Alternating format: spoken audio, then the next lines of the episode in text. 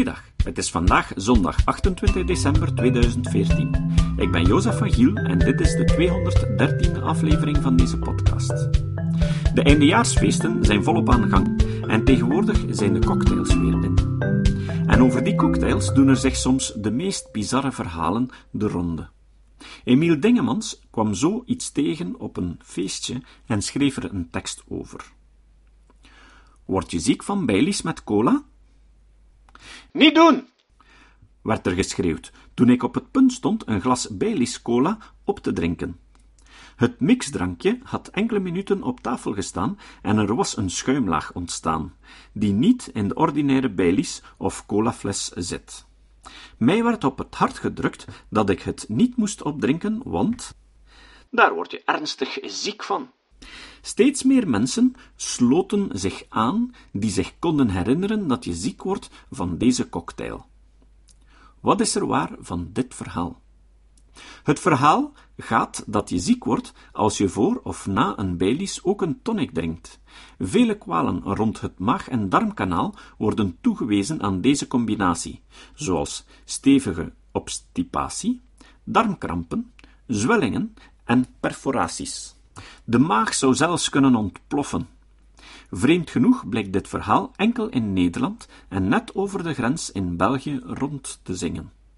Volgens Sovedi, de importeur van de koffielikeur, is het de schuld van barkeepers die het verhaal in stand zouden houden.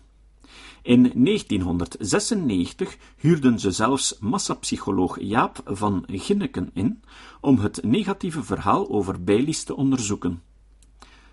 Die concludeerde dat twee derde van de studenten het gerucht kende en dat een derde het ook daadwerkelijk geloofde.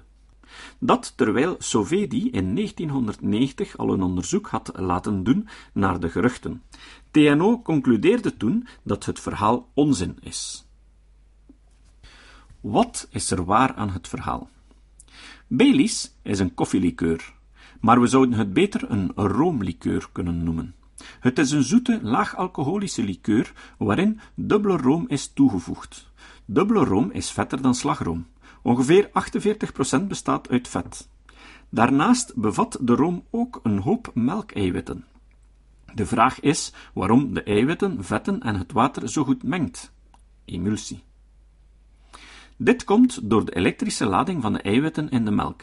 Door hun negatieve lading stoten ze elkaar af en blijven ook de vetdeeltjes van elkaar gescheiden en gaan ze niet samenvloeien.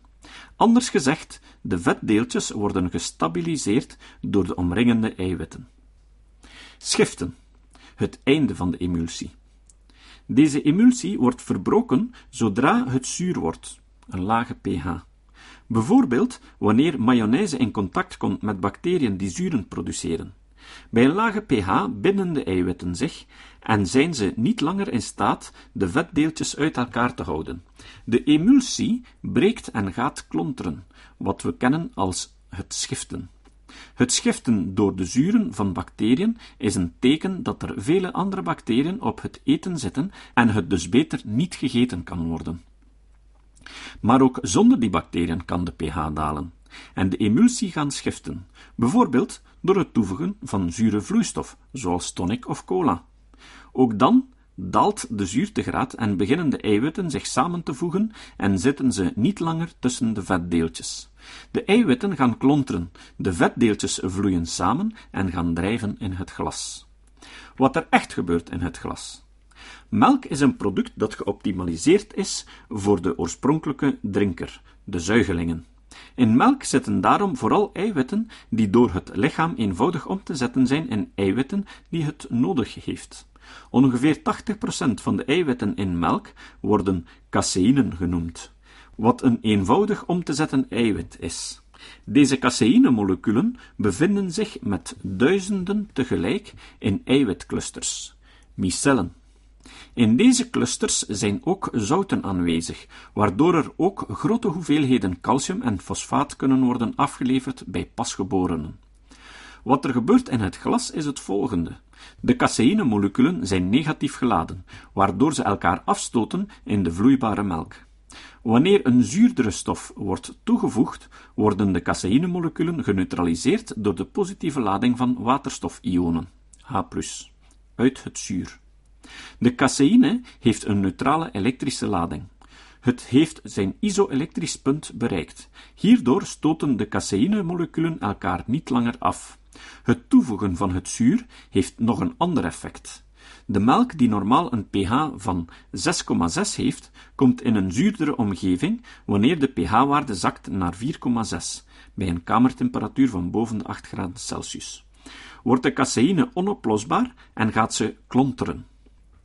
Tonic heeft een pH van rond de 2,5 en cola rond de 3 en zijn dus in staat om de pH-waarde van de emulsie onder de 4,6 te brengen, waardoor de emulsie opbreekt en gaat schiften.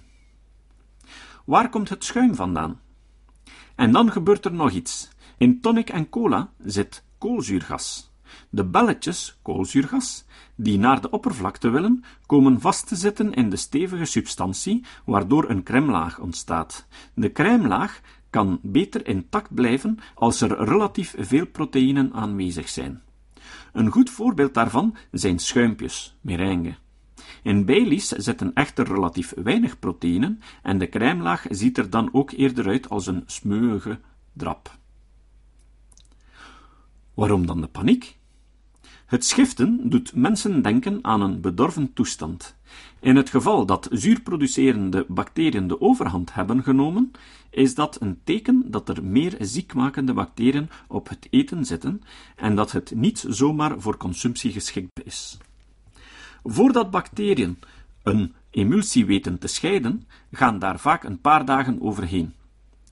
Het schiftingsproces bij toevoeging van een zure vloeistof aan room gaat echter veel sneller, aangezien de zuurtegraad direct verlaagd wordt, zonder dat daar bacteriën aan te pas komen. Zonder de aanwezigheid van de ziekmakende bacteriën is er dan ook geen aanleiding om te denken dat je er ziek van kan worden, of maagklachten zou krijgen. Een enkele oprisping is wel mogelijk door de aanwezigheid van koolzuurgas, en een verklaring voor eventuele misselijkheid de andere dag kan beter gezocht worden in de totale alcoholconsumptie. Schiften en schuimen in de gastronomie. Een andere reden dat er weinig twijfel is dat er iets mis zou zijn met een Baileys Cola cocktail, is dat de processen die zorgen voor het schiften en schuimen vaak worden toegepast bij de bereiding van voedingsmiddelen. Dezelfde principes die ervoor zorgen dat Baileys en cola met elkaar reageren, worden vaak gebruikt in de gastronomie. Gasbelletjes die vastzitten in een vloeistof of vaste stof komen we dagelijks tegen, zoals in brood, taart, meringue, mousse en zelfs ijs. Het wordt ook vaak gebruikt om te zorgen voor een mooie schuimlaag. Denk bijvoorbeeld aan het melkschuim op een kop cappuccino, of de schuimige laag bovenaan sommige cocktails. Maar ook bij bier is de schuimlaag een onmisbaar onderdeel. Behalve bij Engels bier natuurlijk, maar dat kan je misschien moeilijk bier noemen. Ricotta wordt gewonnen uit wei na toevoeging van een zuur. Ook het scheiden van de eiwitten met behulp van zuren is niet ongebruikelijk. Dit wordt bijvoorbeeld gedaan bij de productie van weikazen, zoals ricotta, een Italiaanse witte kaas die gemaakt wordt van een melkwei die overblijft na de productie van kaas. De melkwei wordt verder gefermenteerd, waardoor de eiwitten samenklonteren en uit de wei onttrokken kunnen worden. Besluit. Pruimt wat schuimt? Kortom, er is weinig reden om je zorgen te maken over het schuimen van een cocktail. Hoewel de moleculen anders reageren, veranderen de moleculen zelf niet. Onderzoek van TNO wees in 1990 al uit dat er niets gevaarlijk is aan de reactie. En ook het Trimbos Instituut heeft in 2001 expliciet duidelijk gemaakt dat het apenkool is. Aangezien het hardnekkig bleef, heeft ook de Nederlandse hoogleraar in de voedingsleer Martijn Katan aandacht besteed aan het fabeltje in zijn boek Wat is nu gezond? van 2008. De importeur had zelf al geconcludeerd dat het misschien wel beter is om er helemaal geen aandacht aan te besteden. Maar anno 2014 gaat dit sterke verhaal er nog altijd bij velen in. Waarschijnlijk verwarren velen het uitvlokken met het schiften door toedoen van bacteriën, ondanks dat dat hier niet het geval is. Daarna zal ook een schuimdemonstratie de aannemelijkheid van het verhaal versterken. Maar dat betekent nog niet dat je er darmklachten van krijgt. Verschillende referenties vind je in de notitiepagina. Het citaat. Het citaat van vandaag komt van Kurt Vonnegut, die me wel gepast vindt, zo aan het einde van dit jaar. Vonnegut was een Amerikaanse schrijver. Hij vertelt het verhaal van Joe Heller. Joseph Heller, een belangrijke en plezante schrijver die ondertussen overleden is, en ik waren op een feestje van een miljardair op Shelter Island. Ik zei: Joe, hoe voelt het om te weten dat onze gastheer alleen gisteren waarschijnlijk al meer geld verdiend heeft dan jouw novelle Catch 22 verdiende in zijn ganse geschiedenis? En Joe antwoordde: Ik heb iets dat hij nooit kan hebben. En ik vroeg: Wat in hemelsnaam zou dat kunnen zijn? En Joe zei: De kennis dat ik genoeg heb. Tot de volgende keer. Deze podcast is het resultaat van het werk van veel mensen. Rick de Laat verbetert bijna al mijn teksten en maakt de meeste vertalingen. Emiel Dingemans verzorgt onze website en Facebookpagina. Ook Leon Korteweg en Stefan Sutens schrijven, vertalen of verbeteren soms artikelen. Leon onderhoudt bovendien het YouTube-kanaal van deze podcast.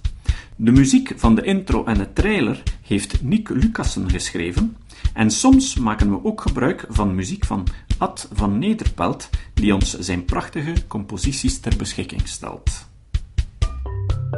Dit was de podcast Kritisch Denken. Vergeet niet om alles kritisch te behandelen, ook deze podcast. Voor verdere informatie over deze podcast, links en voor de tekst, surf naar www.kritischdenken.info.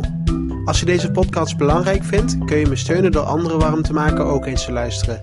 Stuur een e-mail naar vrienden met een link naar de website en plaats de link in de handtekening van je e-mails. Tevens kun je op iTunes deze podcast een beoordeling geven of een recensie schrijven. Of je kan op je eigen website of blog een link naar kritisch denken plaatsen.